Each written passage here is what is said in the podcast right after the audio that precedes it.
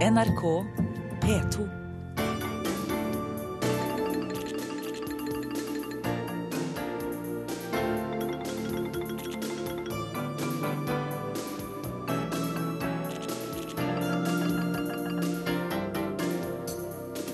Over 100 mennesker er drept i Gaza etter at våpenhvilen ble brutt i går. Vi skal snakke med Sigurd Falkenberg Mikkelsen i Jerusalem. Odd Karsten Tveit er gjest. Fra ham vil du høre hvordan krigen egentlig begynte, og hvorfor den israelske hæren nå har så store tap. Tyrkia går mot valg, men en visestatsminister har tatt hele oppmerksomheten med å si hvordan kvinner bør oppføre seg. Fotball-VM er over, men den politiske oppvasken har så vidt begynt, rapporterer Arnt Stefansen. Vi skal ta et dypdykk i USA i anledning av at Tove Bjørgaas nå har begynt på sin andre periode i landet. Du vil bl.a. få høre om bevæpnede lærere.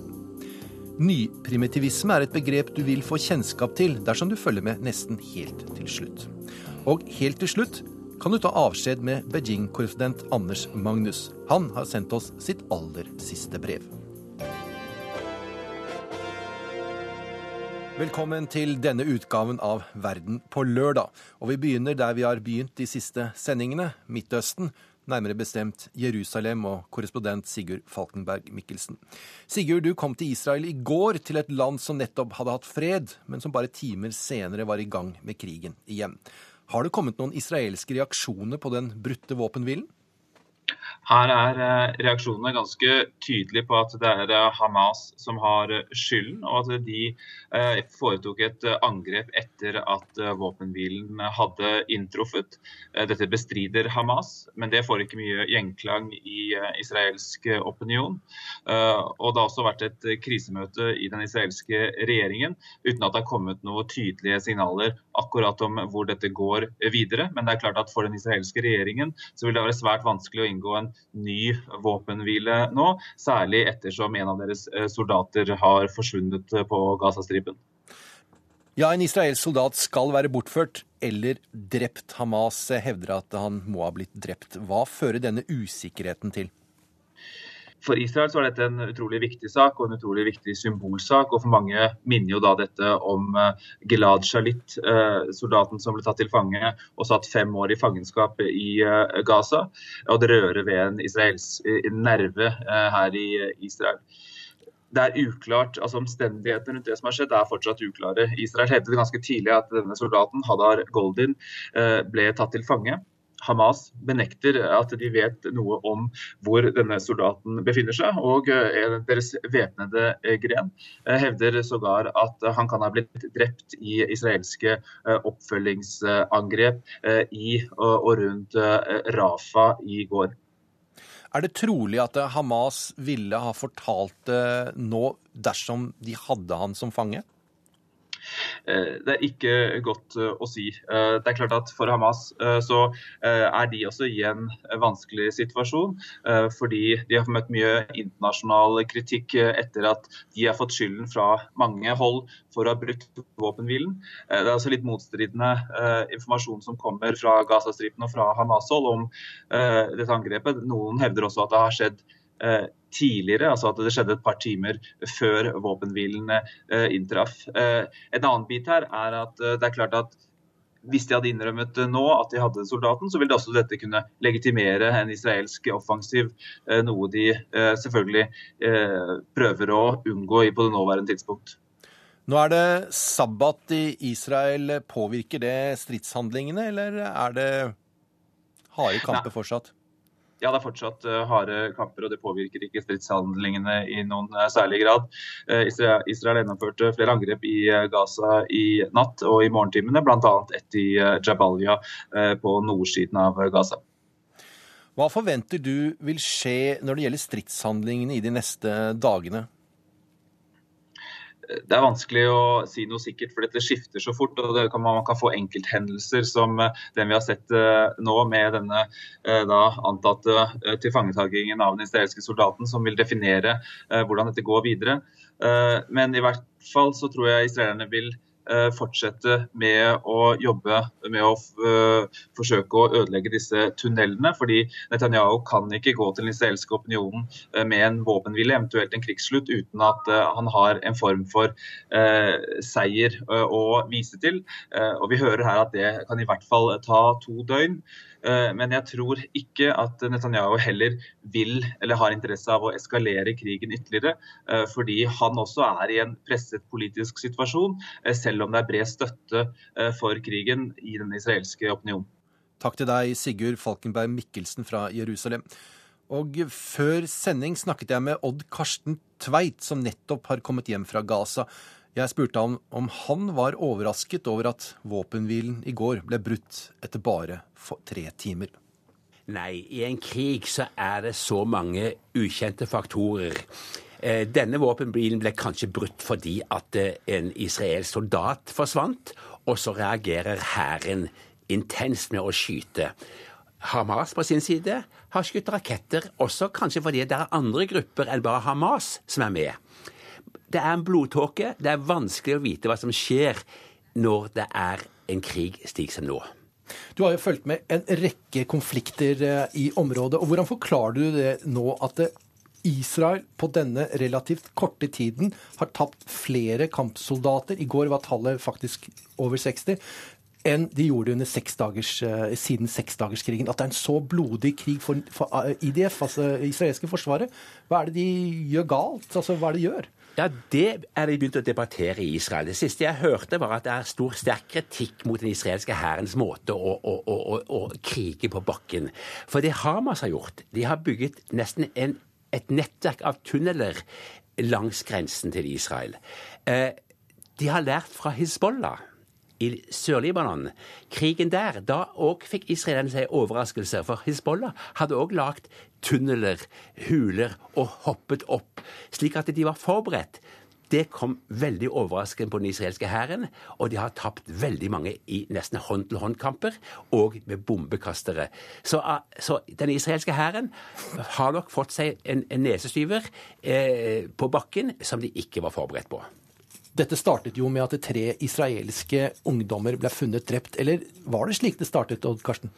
Hamas og Fatah var blitt enige om en samlingsregjering av teknokrater, altså ikke medlemmer av partiene, eh, for å forsøke å få slutt på denne isolasjonen av Gazastripen og komme i gang i en samling. Den israelske regjeringen ønsket ikke å ha noe med denne samlingsregjering å gjøre.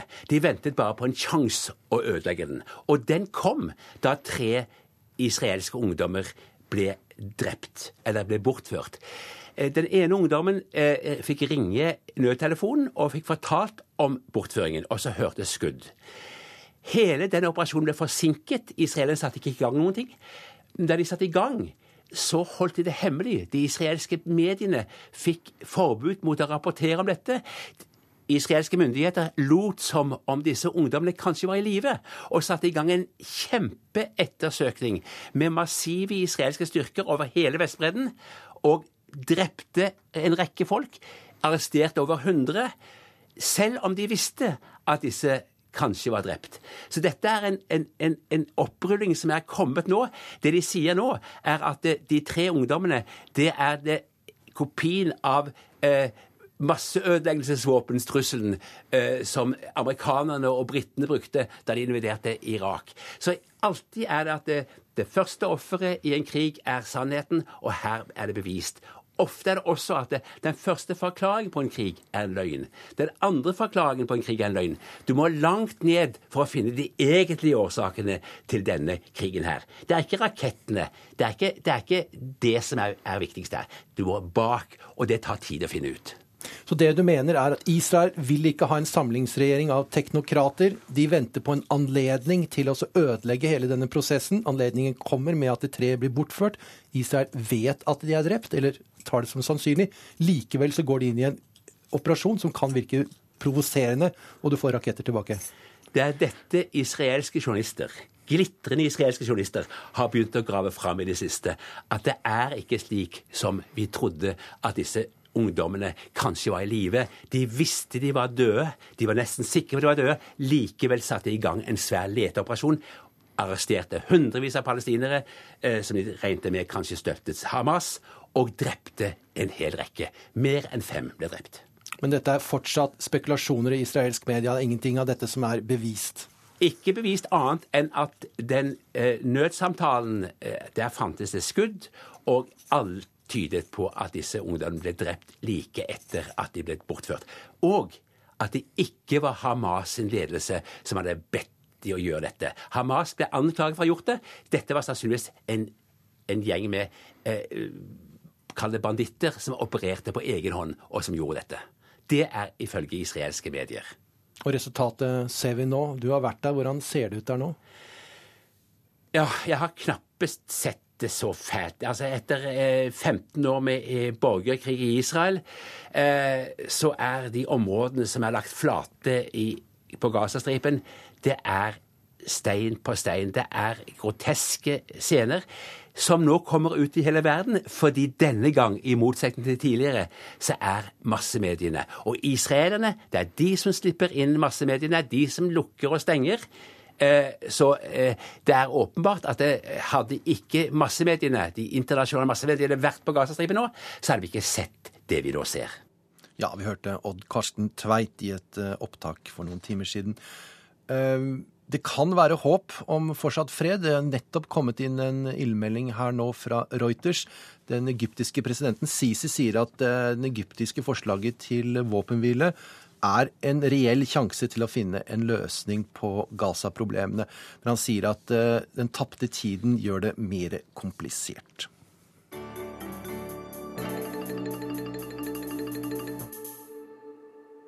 Nå til Tyrkia, for bare ti dager før presidentvalget som ligger an til å bli historisk, har visestatsministeren skapt overskrifter verden over.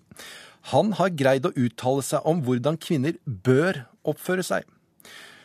Bulent Aringi uttalte seg i anledning avslutningen på den hellige feste, fastemåneden ramadan. Arink mener at kvinner må frasta frastå fra å le og oppføre seg ydmykt i det offentlige rom. Reaksjonene har ikke latt vente på seg.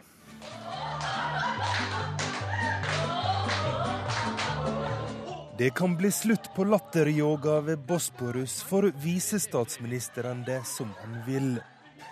Denne veka kom han med en tordentale om moralen til tyrkiske kvinner. Erkek de olacak, zampara olmayacak, eşine bağlı olacak, çocuklarını sevecek, Kadınsa o da iffetli olacak. Kvinner må være seg bevisste hva som er lov i islam. De skal ikke le høyt offentlig, og bevege seg på en beskjeden måte. Visestatsminister Arinj Bylent mener også at kvinner ikke bør reise på ferie uten følge av ektemannen. Talen førte til storm på sosiale medier i Tyrkia denne veka. På Instagram og Facebook har kvinner posta smilende bilder av seg sjøl. Men det er ikke nok, mener Kanan Arin fra Mor Kati, en organisasjon som driver krisesenter for kvinner i Tyrkia. Det var bra at kvinnene gjorde narr av visestatsministeren på Twitter, men det er ikke nok. Vi må organisere oss og slåss mot disse holdningene på en seriøs måte. Hver dag er fem kvinner drepne i Tyrkia. Vi er et land som har store problemer med vold i heimen, og da er det trist at vi må bruke energi på å svare på slike dumme kommentarer, sier hun til nyhetsbyrået Ap. 8. august, to dager før presidentvalget, er det tillyst en latterprotest i sentrale Istanbul. For Kanan Arin forteller kvinner i Tyrkia nå er redde for å bli marginaliserte. Regjeringa prøver å innføre wahhabismen fra Saudi-Arabia.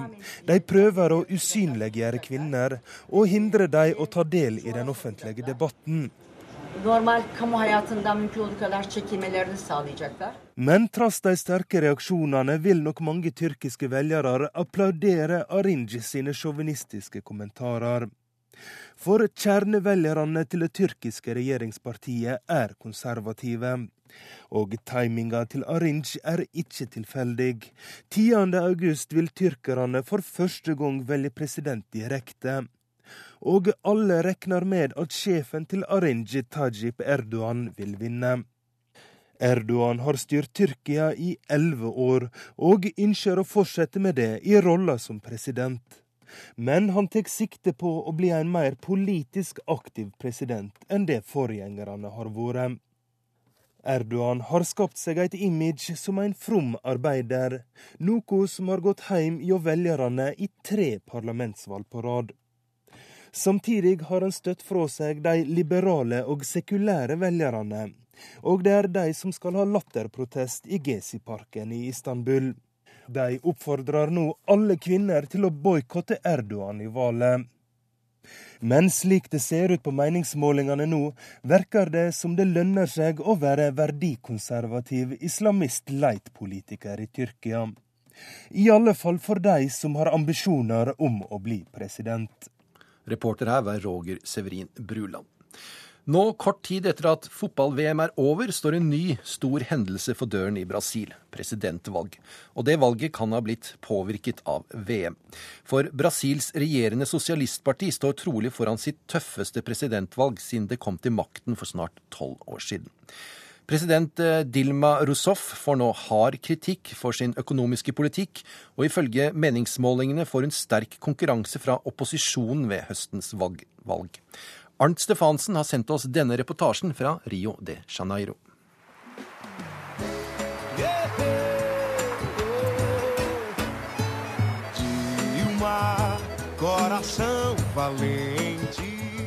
Hun er fortsatt favoritt foran valget til høsten, og tilhengerne hyller henne i høye toner.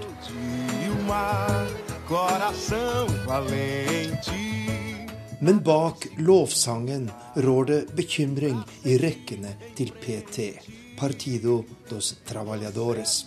Det radikale Arbeiderpartiet som kom til makten her i Brasil etter valgseieren høsten 2002. For Dilma Rousef er ikke blitt den folkekjære lederen som forgjengeren Lula var. Og hennes lederstil er omstridt. Hva vil du bli husket for som president, spør en journalist i TV-kanalen Oglobo Globo under en valgutspørring. Jeg considero que a marca dos meus quatro anos de governo foi criar Dilma Rousef gir som vanlig et langt og komplisert svar med mange tall. Aldri har Brasil investert mer i infrastruktur, altså flyplasser, havner, veier og ikke minst internett. Vi bruker også mer penger på skole og helse enn noen gang før her i landet, sier hun. Og hun slår fast at kampen mot fattigdom har gitt enorme resultater i hennes og forgjengeren Lula da Silvas regjeringstid.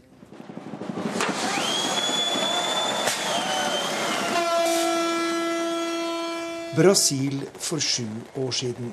Et norsk supply-skip sjøsettes utenfor Rio de Janeiro, og optimismen er enorm.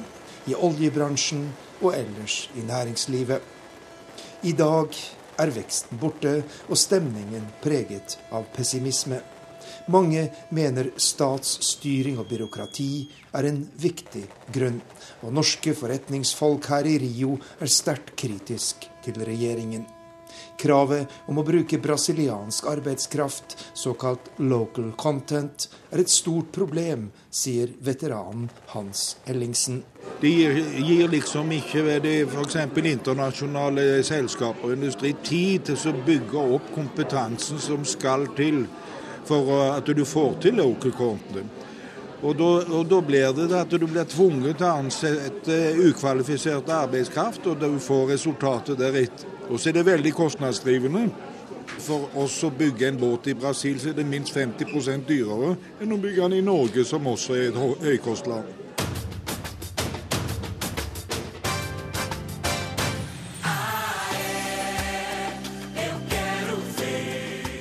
Dilma Rousseffs fremste utfordrer ved høstens valg heter Aesio Neves. Han er senator, tidligere guvernør i delstaten Minas Gerais og presidentkandidat for sentrum-høyrepartiet PSDB. Neves krever mindre offentlig styring, mindre byråkrati og en mer effektiv kamp mot korrupsjonen. Men han lover også å videreføre og styrke Bolsa Familia, et sosialprogram som har løftet titalls millioner brasilianere ut av fattigdommen det siste tiåret. O nosso projeto permite, Augusto, que ele continue recebendo por até seis meses vi foreslår at mottakere av Bolsa Familia kan beholde denne ytelsen i opptil seks måneder etter at de er begynt å jobbe, noe som betyr at flere vil komme i arbeid. Vi vil altså styrke de sosiale ordningene som finnes i dag, sier presidentkandidaten Aesio Neves. Problemet hans er at fattige brasilianere har mye større tillit til den sittende presidenten Dilma Rousef i dette spørsmålet. De rike og deres parti har aldri støttet oss, sier mange.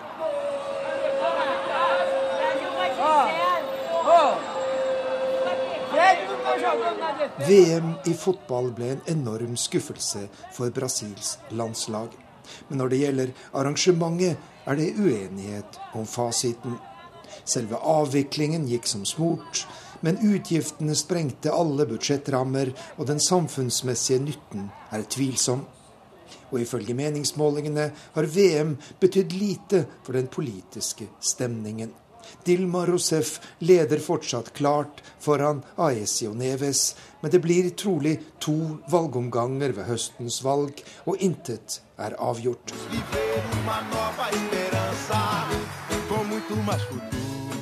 Hun er kvinnen som var militærregimets torturoffer og ble Brasils president. Dilma Rousef frykter ikke kampen, men hun har store utfordringer. Landets økonomi går mot nullvekst, inflasjonen blir stadig høyere, og hun har ikke greid å bekjempe et av Brasils store onder, en omfattende korrupsjonskultur. På den annen side er flere brasilianere i arbeid enn noen gang før, og landets fattige stoler mest på henne. Det blir en tøff politisk høst her i Brasil. O que não tá, gente vai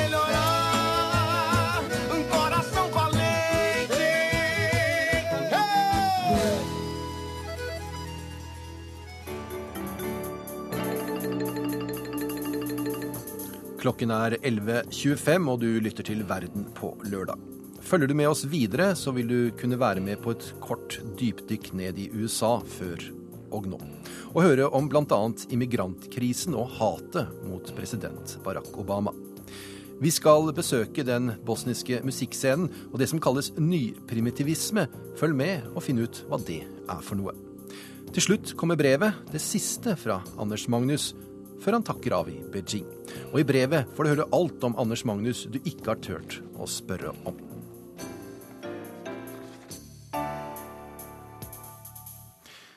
I Washington er politikerne handlingslammet som aldri før. I dag tar Kongressen sommerferie i fem uker, og håpet om å få løst store og viktige saker før ferie er borte. USA-korrespondent Tove Bjørgaas, du har hatt din første arbeidsuke som NRKs nygamle USA-korrespondent. Hvordan vil du oppsummere denne uken? Det har vært en uke preget av den handlingslammelsen som har dominert her i Washington egentlig ja, mesteparten av tiden siden i hvert fall 2010. Eh, men nå står det veldig store og viktige saker som Kongressen er nødt til å avgjøre. Og, og det er veldig veldig mye sinne oppe på, på Capitol Hill. Man kan bli ganske desillusjonert av å følge amerikansk politikk, så det kan være greit å, å følge med på litt andre saker også. Ja, Hvilke saker er det som mest av alt setter uh, sinnene i kok? Nei, Helsereformen er jo én sak, men det er en annen sak som vi har hørt eh, ganske lite om i Norge, fordi det har skjedd så mye ute i verden i sommer, som er enorm her nå. Eh, og det handler om immigrasjonskrisa. Eh, USA er helt nødt til eh, så fort som mulig å få vedtatt en lov som gir amnesti til noen av disse 11 millionene innvandrere som er her i landet ulovlig. Eh, det har man ikke klart å få til. Men i tillegg så har det det siste året vært en eksplosjon i antallet enslige mindreårige, altså barn, som tar seg over grensa til USA fra eh, land i Mellom-Amerika. De kommer fra Honduras, El Salvador og Guatemala stort sett. Det har altså vært en tidobling i antall barn som flykter alene til USA bare eh, det siste året. Eh, og det er altså 59 000 barn som har kommet hit alene. Og de, hvor man skal gjøre av disse barna og hva slags rettigheter de har, det er en kjempesak. Så en av de eh, sakene som Kongressen ikke klarte å bli enige om denne uka, det er eh, å gi mer penger til eh, grensevakthold og rett og slett til eh, hastetiltak for disse barna, til mottakssentre, eh, til, til ordninger som kan gjøre at, at de får et sted å være, og at man eventuelt kan sende dem ut av landet igjen. Eh, og jeg har denne uka lagde, vært ute og snakket med noen av dem som kjemper for eh, disse barna, og vi skal høre en reportasje om det. Min navn er Mayeli Hernandez. Tengo 12 años y vivo en Long Island, New York. Jeg heter Maeli Hernandez. Jeg er tolv år og bor på Long Island i New York, sier ei jente med bøyd hode. Hun sitter foran et panel av politikere i den amerikanske kongressen. Maeli skal vitne om hvordan det er å være en av dem alle snakker om her i USA nå. Barna som har flyktet alene. Cuando tenía ocho años, mi mamá tuvo que venir a los Estados Unidos para que tuviera una vida mejor. Yo todos los días lloraba por ella. Da jeg var åtte år, måtte mamma reise til USA for å tjene penger. Jeg gråt hver dag, forklarer Maeli. Til slutt så hun to mennesker bli drept rett foran øynene sine. Det ble bestemt at hun skulle flykte nordover sammen med lillesøsteren.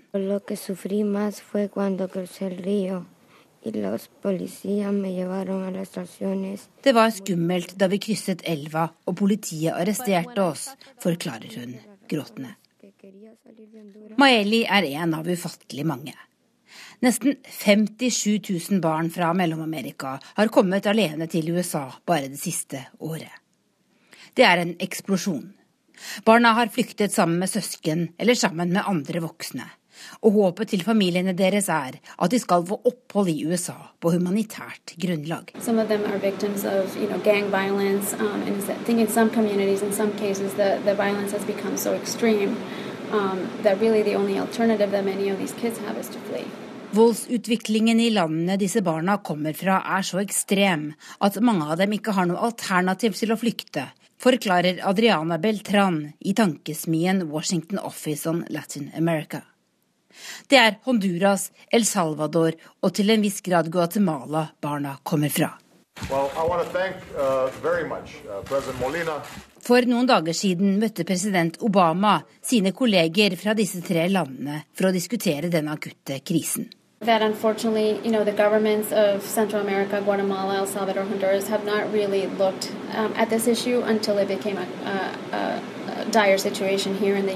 Dessverre har ikke lederskapet i Honduras og El Salvador brydd seg om dette problemet før nå.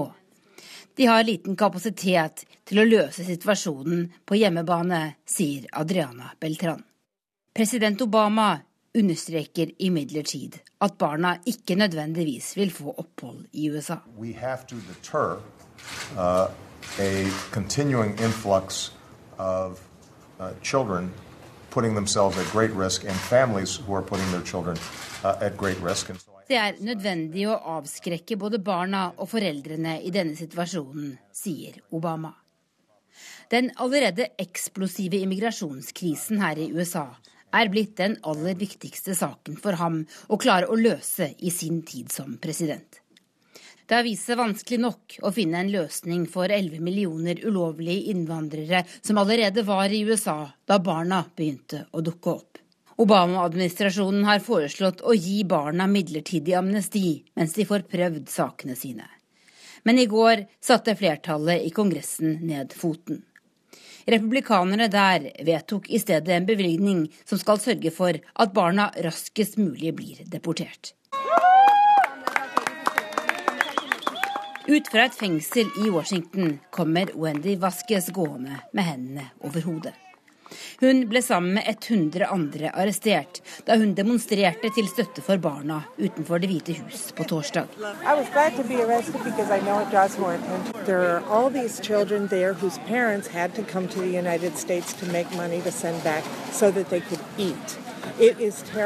Det var flott å bli arrestert. Slik får jeg satt fokus på denne viktige saken. For dette er en skam for oss i USA, sier Vaskes, som har kommet helt fra Iowa. Mannen hennes er fra El Salvador, og hun vet at livet for folk der blir stadig vanskeligere.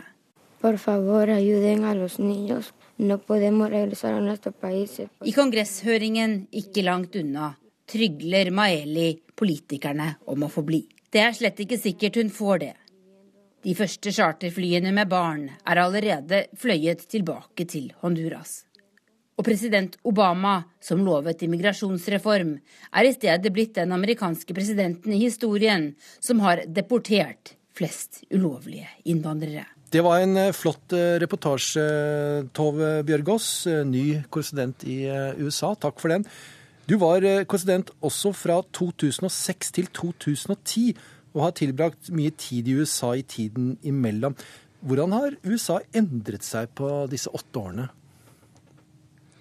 Det har jo uh, blitt et helt nytt uh, regime i Det hvite huset. Et helt nytt regime. Vi husker jo uh, godt George W. Bush. Og sist jeg tiltrådte som korrespondent, så var motstanden mot han det alle var opptatt av. Og, det var et valg i 2006 der demokratene gjorde storeslem i Kongressen pga. motstand mot Irak-krigen. Og så kom ikke sant, Hillary Clinton, og Obama kom seilende, og, og mye handlet om motstanden mot krig på den tiden som har gått, så har det jo skjedd utrolig mye som mange kanskje ikke hadde ventet. Eh, det var jo et voldsomt håp i landet da Obama ble valgt i 2008. Eh, det var en valgkamp ingen hadde sett maken til. Eh, men så gikk det altså ganske fort tilbake til den samme polariseringen og splittelsen som Obama hadde lovet å få slutt på. Og det, og det har kanskje overrasket meg eh, mest at det gikk så fort. Altså. At, at, det, at, det, er så vanskelig å, å skape en forandring eh, i, i, dette landet. Og, og det vi snakket om eh, for noen minutter siden før den reportasjen om immigrasjon. altså altså denne splittelsen den, den, den lammer nå hele, hele, Washington. Og Obama har på ingen måte klart å bygge de broene som han lovet å bygge. USA er jo et land i, med, under store endringer omtrent hele tiden. Eh, er det noen forandringer vi kommer til å se spesielt tydelig i den perioden du nå skal følge USA for NRK? Ja, jeg, det, skjer noe med befolkningen her som, som også er knyttet til dette immigrasjonsspørsmålet, som, som, jeg er opptatt av, eh, og som, som, kommer til å forandre USA. Og det er at eh, stadig flere av de som bor i dette landet, har sin bakgrunn fra Latin-Amerika f.eks., og også fra, fra, Asia. Og det er også stadig flere yngre amerikanere. Det kommer til å være mange flere yngre velgere ved valget allerede nå til høsten enn det var sist. Eh, og det eh, tror jeg på sikt vil forandre ganske mye på holdningene til amerikanere. Vi ser det allerede i én sak, som er eh, homofile ekteskap, som har fått en voldsom støtte overraskende egentlig støtte her de siste fire-fem årene. Eh, jeg husker at jeg laget reportasje om det første homofile bryllupet i delstaten Iowa i 2009. Da var det bare tre delstater som tillot homofile og lesbiske å gifte seg. I dag er det 17. Så her har det vært en, en, en, en veldig rask utvikling. Og undersøkelser viser at unge velgere er veldig positive til at homofile skal få gifte seg, og, og, også til en del andre saker. Så det blir spennende å se om, om det vil bli en forandring også, også, på disse steile frontene som vi ser i Kongressen. I hvert fall en, i løpet av en ja, fem-ti års tid. Men, men, det vil jo ta en stund før disse ungdommene kommer i posisjon politisk. Da. Så, men, men, det kan i hvert fall få betydning ved valget, tror jeg. Og så er det andre holdninger som vi her i Norge kanskje synes det er litt vanskelig å forstå. En av dem er at mange amerikanere har et innbitt ønske om å forsvare retten til å bære våpen. Vi skal snart høre at ni delstater nå tillater lærere å bevæpne seg på skoler. Tove Bjørgaas, hvorfor er det slik? Dette tror jeg er en kulturforskjell eh, mellom eh, oss i Europa og amerikanere, rett og slett. Eh, vi har jo hørt mye om, om, denne retten til å bære våpen som det står om i den amerikanske grunnloven, eller retten til selvforsvar, som mange av våpentilhengerne holder eh, veldig høyt. Eh, men det har jo også vist seg at til tross for mange fryktelige skolemassakre, senest denne på denne barneskolen Sandy Hook i Connecticut, der 26- og 20-åringer ble drept, så, så, er det nesten umulig å, å, å, få stanset denne flommen av våpen. Og da svarer altså mange delstater i stedet med å la lærerne få bruke våpen, de også. Dette forstår jo ikke vi noe av. og, og Det er også sånn at i, for I barnehagen til sønnen min der er alle dører låst. Der alle foreldrene har nøkkelkort for å komme inn i barnehagen. Sånn er det her i USA. Sånn vil nok egentlig ikke mange amerikanere ha det. Men de vet rett og slett ikke noen vei ut av dette, bortsett fra å, å forsvare seg. Tusen takk til deg, Tor Bjørgaas, og lykke til med din, eh, ditt pliktløp i eh, USA. Og vi skal nå høre om lærerne som bevæpner seg. I wish to God she had had an M4 in her office locked up. So when she heard gunfire, she pulls it out and she didn't have to lunge heroically with nothing in her hands, but she takes him out, takes his head off before he can kill those precious kids. Vi hørte den republikanske kongressmannen Louis Gomer. Opptaket er fra desember 2012. En ny skolemassakre har sjokkert USA, President Obama har talt til folket.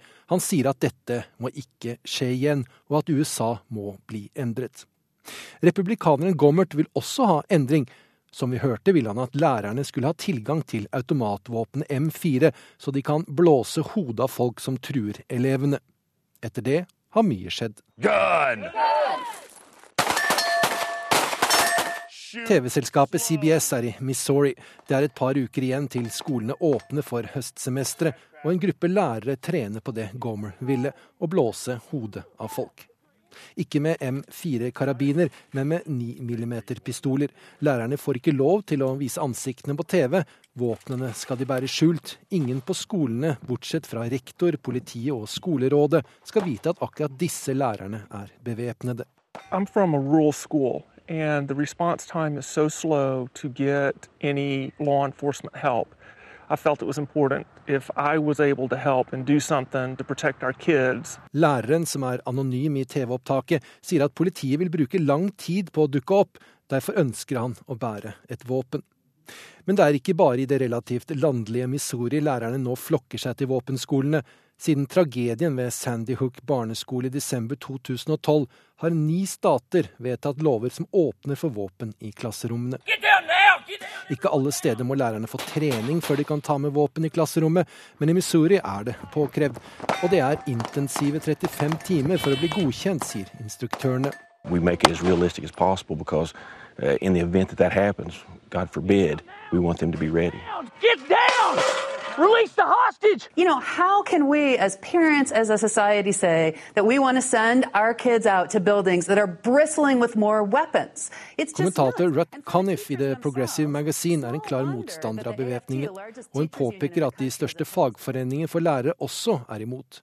CBS snakket med lærer Katie Steinhoff. How do you respond to critics who say the only way to stop a bad guy with a gun is a good guy with a gun? I think there's more than one way to stop a bad guy with a gun. But if it does take a good guy, then I want that good guy to be a police officer. En annen stemme i debatten tilhører lederen for National School Safety and Security Services, Kenneth S. Trump. Threats including bullying, verbal and physical aggression and fighting on one end of the continuum, uh, all the way to weather and natural disasters. Trump listet opp alle truslene skolene må leve med under en senathøring. Fra mobbing til skyting og naturkatastrofer. Men han er ikke tilhenger av våpenbærende lærere. Ikke bare er det en fornærmelse mot de høyt trente politistyrkene som egentlig skal beskytte skolene, mener Trump, men han mener lærerne ikke vil ha en slik rolle. Og rent pragmatisk åpner en slik praksis for et utall av juridiske problemer for skolene dersom en bevæpnet lærer skulle gjøre en feil. Men ute i deler av folkedypet er oppfatningen klar.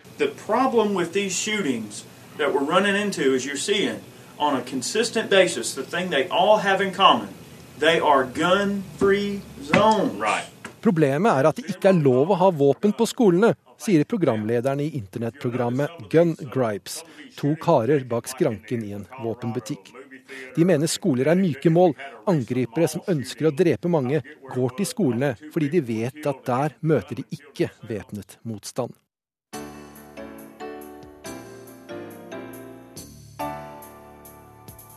Så litt om musikk her i verden på lørdag. For i Sarajevo hevder gammelrockerne ikke bare at de hadde verdens beste rockeorkester, de hevder også at de hadde den beste satiren.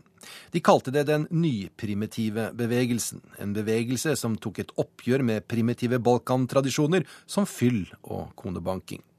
Den største eksponenten for denne bevegelsen var orkesteret Sabranje Pusjene men krigen førte til at orkesteret ble delt i to. Den serbiske halvparten spiller turbofolk i Beograd, den bosniske pro-rog i Sarajevo.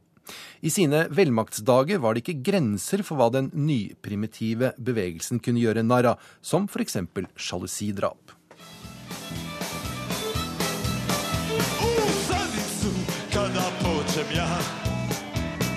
Prati me beše zrotova hva bedre stad å starte med å snakke om bosnisk rock, new wave, punk, eller hva en nå kaller det, med Johnny Cash-parodien Senica Blues fra 1984. I Senica lå det største fengselet i det gamle Jugoslavia. Og sangen handler om en kar som må sitte der i tolv år fordi han knivstakk en mann som han hadde ferska i senga med kona. Slik gjorde bosnisk ungdom narr av sin egen kultur. De kaller musikken nyprimitive sanger. Sarajevo and region at this point had really, really good music, trust me. Trust me, nobody in the Europe, nobody except England did better. I dag er det lite igjen av rockemiljøet i Sarajevo. På City Pub spiller Anshi and the Moondogs for gratis øl. Det går i kjente slagere. Rockerne er tilårskomne. Jeg møter orkesterleder Anshi og trommisen hans Ljubo på rockepuben Rasarai. Det er slang for Sarajevo. Begge er glade i øl og den brune bula, som har blitt besøkt av størrelser som Joan Bass og Bono. De skuler bort på de hvite skinnsetene i kaffebaren ved siden av, der hylbleika turbofolkdamer nipper til rusbrusen sin i høghæla sko. Krigen har ikke bare tatt liv, forteller de. Den har drept et stort og variert kulturliv. Some bands here uh, sold maybe a few million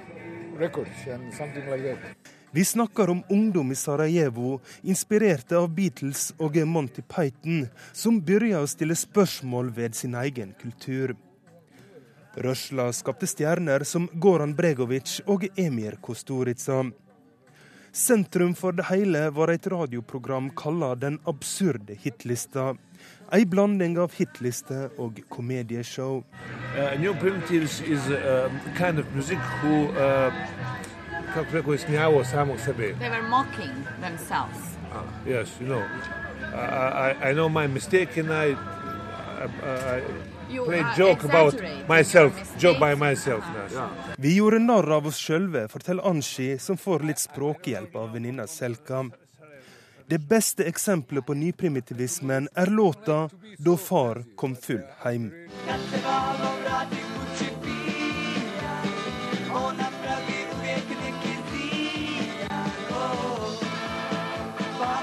Sangen handler om far som drikker seg full og kommer hjem for å banke kona. Så banker han ungene, og før han legger seg, banker han familiebikkja. En humoristisk sang om et alvorlig samfunnsproblem på Balkan. And at this time, uh, I was uh, like uh, a music manager in, a, in a, this popular domlad in Sarajevo, in Skanderia, and I gave them a space to to to uh, to rehearse. Not just them, all other bands. Was a kind of 20 bands at this time. It was 1980. Ljubo forteller han hadde tilgang på en gymsal, og der inviterte han orkester til å komme og spille. Hver helg var det konsert, og på det beste kom over 7000 for å høre på disse orkestrene. I decided to put just beginners. I said, I don't care. Who cares? Just put beginners. And it's happened something funny that sometimes beginners were better than uh, Established stars. established. And it started in that way. Han forteller at presidenten, marsjal Tito, la til rette for kultur i Jugoslavia, og at Tito likte rock fra Sarajevo. And I played with the, uh, to President Tito, I don't know so many times. It's, and, and always was a, like a, you know, good rock. And he enjoyed that? Oh yeah. Så kom krigen. Unfortunately, war split up this band in uh, two parts. Det førte til ei oppsplitting av ikke-røykerne. ene delen reiste til Beograd, der de utnytta kjendisstatusen til filmregissør Kosturica til å turnere verden rundt.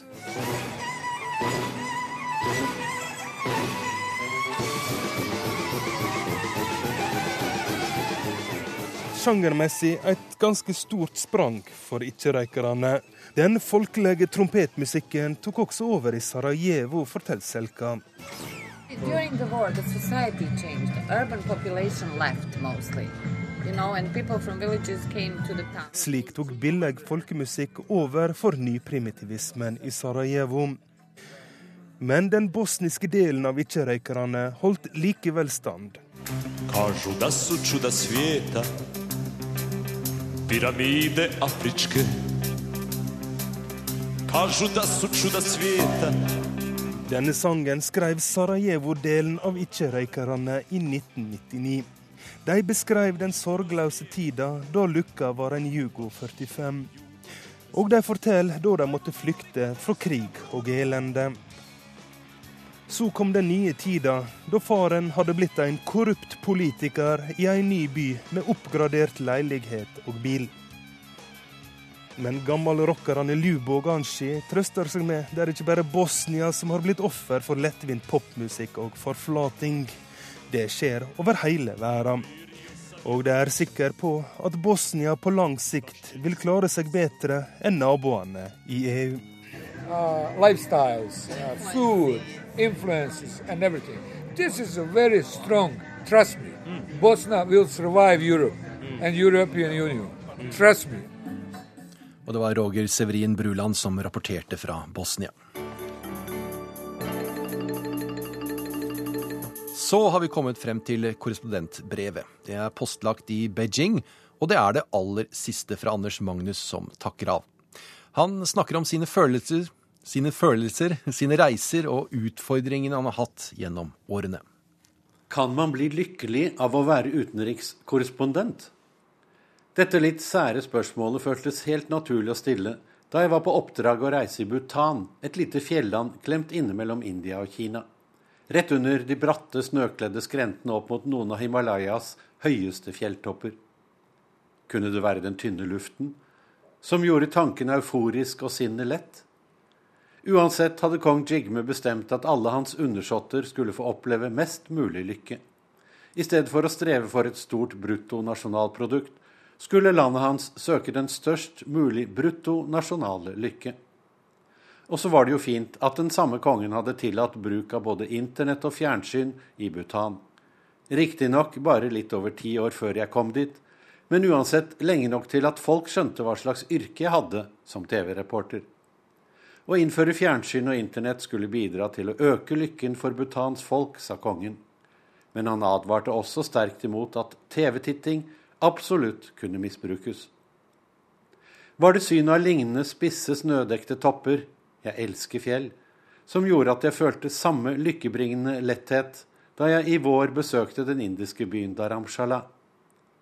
Eksiltibetanernes og Dalai Lamas hjemby ligger også ved foten av mektig Himalaya, men mye lenger vest. Eller var det de buddhistiske tibetanernes vennlige omgang med livet og medmennesker som bidro til denne luftige stemningen av letthet og lykke? Å skulle være lykkelig i arbeidet er vel i og for seg ikke en del av jobbbeskrivelsen for en korrespondent.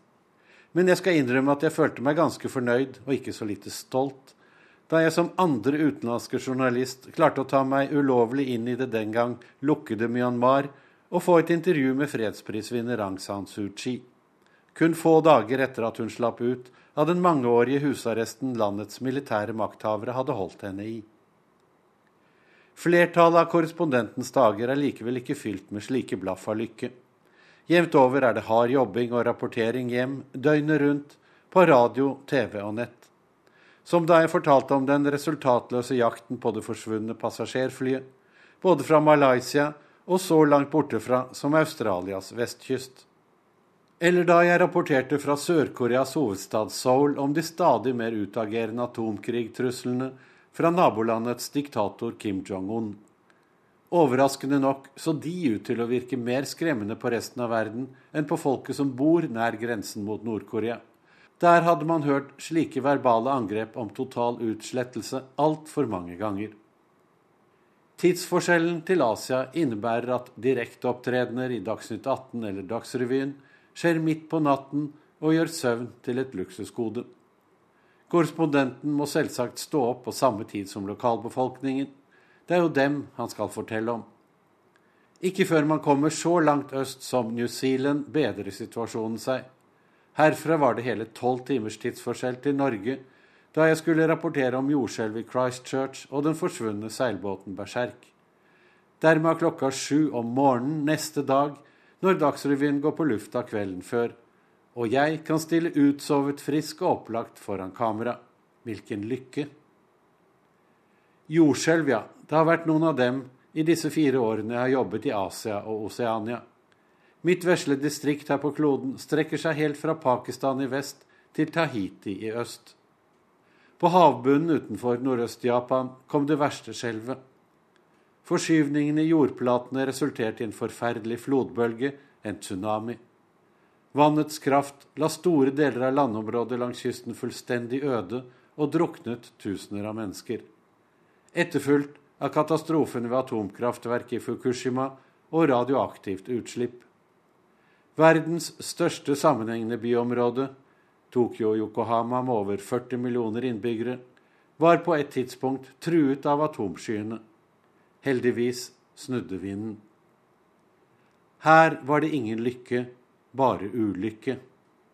Likevel strevet vi journalister med å komme oss raskest mulig inn til de raserte byene, mens store deler av lokalbefolkningen samtidig forsøkte å komme seg ut.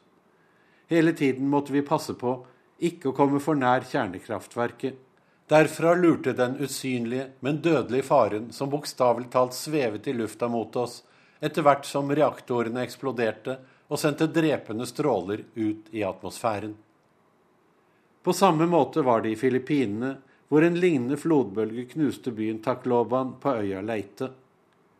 Her var det ikke jordskjelv, men den tropiske syklonen Yolanda som forårsaket elendigheten. Utfordringen for oss korrespondenter var å komme oss inn til øya. Den var isolert etter at flyplasser, havner og telenettverk ble smadret til pinneved. På slike steder er det vanskelig å være reporter. Vanskelig å ta inn over seg lokalbefolkningens ufattelige tap og lidelser. Samtidig som man skal fortelle hjem, på forholdsvis nøkternt vis, om skjebnen til dem som døde, og de som er tilbake og bor under håpløse forhold i katastrofeområdet. Det blir mange tårer i møte med overlevende, men man bør jo likevel ikke stå og grine på direktesendt fjernsyn. Ved slike hendelser er det stor sorg og ingen lykke som preger korrespondentens arbeidsdag. Andre ganger herjer raseri og skuffelse i følelseslivet. Raseri over undertrykkelse og overgrep, skuffelse over at helter man hadde store forhåpninger til, ikke holder idealenes faner oppe. I India og Pakistan opplevde jeg noen av de verste overgrepene. India med sine mange og særdeles brutale gjengvoldtekter. Den aller verste der en ung student døde av skaden hun fikk da gjerningsmennene gjennomboret underlivet hennes med en jernstang. Og etterpå mennene i landsbyrådet som jeg intervjuet. De forsvarte overgrep mot kvinner som gikk ute etter mørkets frambrudd, eller var så syndige at de kledde seg i olabukser. Et land hvor kvinner, særlig de fattige, er annenrangs borgere og fritt vilt. I Pakistan dekket jeg den store flommen i landets sørlige Sindh-provins. Året før var det en lignende katastrofe, og jeg forsto snart at disse tragediene lett kunne ha vært unngått dersom myndighetene ville brukt litt ressurser på flomvern og beredskap. Men ingen politiker bryr seg om de fattige, uutdannede bøndene som strever med å dyrke jorda i disse områdene langt fra hovedstaden. Så lenge eliten fortsatt kan fylle sine store lommer i storbyer langt unna, ser de ingen grunn til bekymring. Nord for Pakistans hovedstad Islamabad ligger den vakre Sawat-dalen, som tidligere var et eldorado for skientusiaster fra hele verden. Men ikke etter at Pakistans utgave av Taliban okkuperte området og henrettet mange som ikke fulgte deres ekstreme utgave av islam. Der ble ungjenta Malala Yousafzai forsøkt drept fordi hun kjempet for jenters rett til utdanning. Hun overlevde heldigvis. Da jeg var der for å rapportere om hennes og andre jenters skjebne, så jeg hvordan folk fortsatt fryktet terroren fra Taliban. Terror og drap utført av islamske ekstremister er det vi hører mest om i Norge, men også muslimer blir forfulgt i etnisk-religiøse konflikter i Asia. I Sri Lanka gikk buddhister nylig til angrep på folk fra den muslimske minoriteten, og i lang tid har andre buddhistiske ekstremister drept og satt fyr på husene til muslimske rohingyaer nordvest i Myanmar. Under et av mine seinere intervjuer med henne spurte jeg frihets- og fredsikone Aung San Suu Kyi om hva hun syntes om denne forfølgelsen. Skuffelsen var stor da hun uttrykte seg svært lunkent til disse overgrepene. Hun understreket tvert imot at flertallet av disse muslimene ikke var borgere av Myanmar, og derfor ikke hadde rett til beskyttelse fra staten. Suu Kyi ville heller ikke ta sin fengslede fredspriskollega og demokratiforkjemper Liu Xiaobo i forsvar overfor kinesiske myndigheter. Jeg undret meg da over om hun ikke holdt retten til frihet og demokrati like høyt for alle folkeslag. Skuffet har jeg også blitt over norske regjeringspolitikere som nektet å ta imot sin gamle venn Dalai Lama da han nylig var på besøk i Norge. Vil de nekte å møte Liu Xiaobo også, dersom han en gang kommer til Norge for å motta prisen? Kinesere tenker i lange tidsperspektiv, gjerne hundreårsperioder. Min spådom er at om hundre år vil man i Kina synes nobelprisen til Liu Xiaobo står som en lysende bauta. Andre holdninger har da havnet på historiens søppelhaug. Og Torbjørn Jagland blir sett på som en av Kinas aller beste venner. Slik varierer en korrespondents følelsesliv gjennom skuffelser og sinne til sorg og fortvilelse. Men også store gleder ved å møte flotte mennesker, stolthet over jobben og av og til en deilig følelse av lykke. Som når man er ferdig med å skrive korrespondentbrevet og kan sette siste punktum. Takk for jobben, Anders Magnus. Og dette korrespondentbrevet i illustrert utgave kan du lese på nett. Verden på lørdag er over for denne gang. Teknisk ansvarlig var Hanne Lundås. Skript Anna Holm Heide. Og i studio Halvard Sandberg.